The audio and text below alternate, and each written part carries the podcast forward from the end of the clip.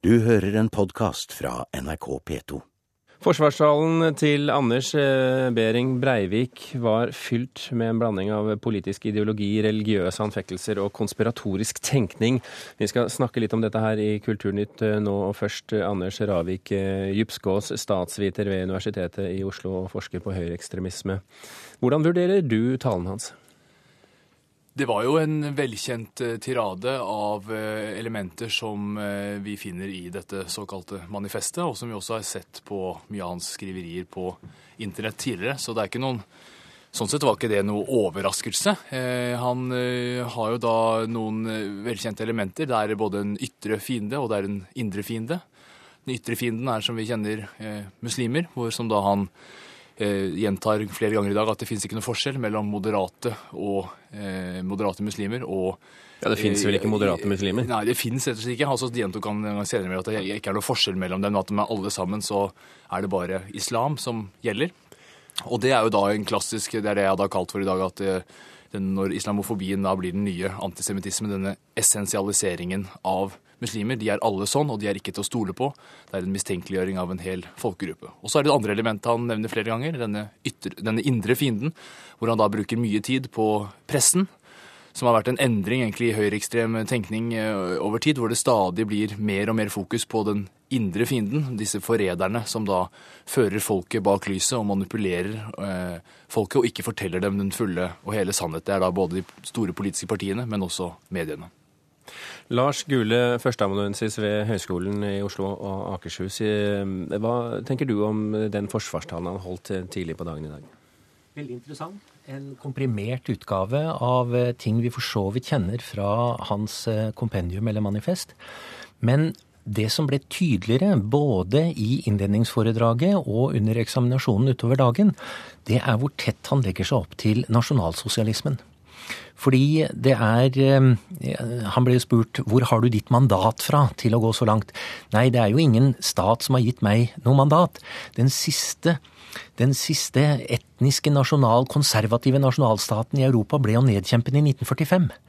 Eh, og det var for å hindre Hitler, eh, en ny Hitler å komme til makta, at demokratiet ble avskaffet av liberalere og marxister etter 1945. Han har helt eksplisitte henvisninger til norske nynazister. Eh, nynazister som også har vært med i voldshandlinger, som eksempler på medkampfeller eh, i vid forstand. Eh, og, og, dette er litt interessant. Han har også eh, brukt en terminologi hvor han snakker om det etniske fellesskapet, urfolk.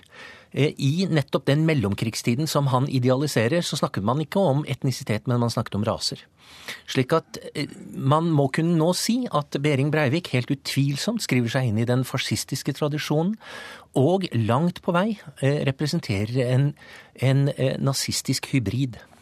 Men opplever du det dit hen at han har utviklet tankegodset siden 22. juli? Det er vanskelig å si. Da må man gjøre litt mer detaljerte og komparative studier av manifestet og eh, det han nå sier. Og dette er jo også bare andre dag av rettssaken, og det er første dag vi hører han. Så det vil jeg være litt forsiktig med å si. Men jeg syns som sagt det er tydeligere hvor tett han legger seg opp til nasjonalsosialistisk eh, ideologi. Eh, men vi får se hvordan saken videre utvikler seg, om dette er noe han nå vil liksom nyansere i løpet av eksaminasjonen de neste, de neste dagene. Opplever du også dette som en presisering, Djupskås, av hans tankegods? Nei, snarere tvert imot. Altså, det er jo som Lars Gule sier, det er jo en komprimert utgave. Altså, Hvis du ønsker å få tak på mer av de referansene og den virkelighetsforståelsen han har, så er jo da kompendiet fortsatt den største kilden. Han vil jo aldri være i nærheten av å kunne fortelle så mye som det står i, i dette kompendiet, selv om det også er da tekster som han har hentet inn fra mange andre. Jeg syns også det er interessant denne referansen og den slags sånn kontinuiteten i i dette tankegodset som uh, Gule påpeker. For det er jo, det vi hører i dag, er nesten et ekko på mange måter av f.eks. en mann som Arne Myrdal, som også på slutten av 80-tallet snakket om borgerkrig. Vi nærmer oss en borgerkrigstilstand. Uh, man forsøker å skrive seg inn som en del av motstandsbevegelsen. Det husker vi også i fjor, hvor Norwegian Defence League også holder denne markeringen på 9. april snakker om en ny okkupasjon av Norge. Nå er det da ikke lenger tyskerne som er her, men nå er det muslimene, og vi er den, den legitime motstandsbevegelsen. Og reaksjonene vel, den gangen så vel som på slutten av 80-tallet er jo da fra folk som faktisk deltok i motstandskampen, slik som Gunnar Sønsteby f.eks., at dette er jo en helt pervertert forståelse av hva det, hva det var man drev med den gangen på, på 40-tallet. Hvor vil du plassere ham i landskapet av europeisk høyreekstremisme? Jeg vil si at han, eh, han, eh, målbærer veldig mange av de synspunktene vi kjenner igjen fra mange av disse gruppene. Det Konspirasjonstenkning er blitt nevnt. Det er også antidemokratiske holdninger. Eh, synet på politiske ledere som forrædere, til tross for at de er demokratisk valgt, og en idé om at man selv representerer det undertrykte, denne slags sånn stille majoritet, som egentlig er enig med, med eh, det han selv står for. Så er det selvfølgelig sånn at, og det har gang på gang vært viktig å understreke, at i en ideologi så er det både en analyse og en diagnose. og de to elementene deler han med mange andre, men det er også en idé om en strategi hvor han har gått mye, mye, mye lenger og hvor det er viktig å bringe inn tror jeg, psykologien for å forstå hvordan man kan begå de handlingene som faktisk fant sted 22.07. Eh, i fjor. Lars Gule, er det mange som mener det samme som Anders Behring Breivik? Ja og nei. Eh, det er nettopp avhengig av hvilke elementer i denne ideologien man vektlegger. Eh, mange av eh, de analytiske elementene, den, den diagnosen som Behring Breivik har stilt, deles av altfor mange, skremmende mange. Men selvfølgelig, han er ganske alene om en del veldig spesifikke elementer, og denne, denne nazitilhørigheten er det få som har noe nært forhold til i Europa i dag. Og hans ekstreme handlinger er det heldigvis fortsatt eh, det store flertall, også av høyreradikale høyrepopulister, som tar klar avstand fra. Men hvis vi ser på den eh, debatten som har vært Det har kanskje ikke dere rukket, for dere har jo vært så mye i, i, i rettssalen i dag. Eh, men hvis vi ser på den debatten som, som pågår på Facebook og andre sosiale medier, så har han jo veldig mye ideologisk støtte, opplever jeg. Ja, det er, og det er noen av disse elementene, og de sentrale elementene som også er sentrale for Behring Breivik, det er islam som fiende, det er multikulturalismen som undergravende for eh, norsk identitet, det norske fellesskap. Disse elementene, som er sentralt hos han, er også sentralt hos veldig mange andre. Eivor Oftestad, forsker ved Teologisk fakultet, Universitetet i Oslo. Velkommen til Kulturnytt. Hva syns du om eh, Breiviks forsvarstale i dag? Uh, ja, nå har jeg eh, bare fått uh, med meg deler av det, da, naturlig nok. Men som et um, um, sammendrag av manifestet, så vil jeg jo si at jeg syns han som tenker er han jo veldig uinteressant. Og jeg syns det er ganske absurd å sitte og diskutere tenkningen til en person som hvis han hadde levert dette som en oppgave, da, så ville han jo stått til en F. Altså, det er dårlig. det er... Han er uten evne til å tenke historisk, for historie handler om å tenke kontekst, og det handler om å tenke endring. Og han stripper da de elementer i historien han ønsker å, å bruke, de stripper han for kontekst, og han bruker det til eh, Setter det sammen ut fra sitt eget hode inne på gutterommet. Så det er, det er sånn Det er jo litt stakkarslig å enkelt, da. Han påstår jo at han har studert mye religionshistorie. Kommer det frem, syns du? Nei, overhodet ikke. Altså, han sitter jo det, ligger masse gode kilder på nett, men han har plukket ned fra Wikipedia, fra blogger og enkle, for helt for enkle ting.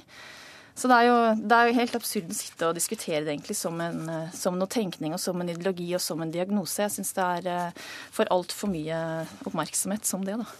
Veldig, veldig, sentralt i hans uh, ideologiske tankegods er jo korstogene og tempelridderne og alt dette her. Dette er jo noe du er ekspert på. Hvordan ser de historiske korstogene ut, og hva er det med hans bruk av det som er feil? Mm. Altså Korstogene må man forstå ut fra deres religiøse motivasjon, ut fra den konteksten som middelalderen gir. Og der er det elementer som er helt eh, ikke-eksisterende i dag. Sånn at han, han stripper da eh, korstogene for all historisk kontekst, for all religiøs motivasjon, og bruker eh, kun det at det er en kamp mellom kristne og muslimer, og holder det frem som et bevis på at det er en, en kontinuerlig kosmisk kamp mellom kristne og muslimer. Så han stripper alt for historisk kontekst og bruker dette på en helt absurd måte, da. Men akkurat det der er jo et element som fins i en del blogger. og som Gates og Vienna og sånne ting. At de stripper det for historisk kontekst og bruker det på den måten der. Du nikker, Gule? Ja, jeg er enig i dette siste. Men eh, jeg er ikke helt enig i at det er uinteressant å analysere hans ideologi.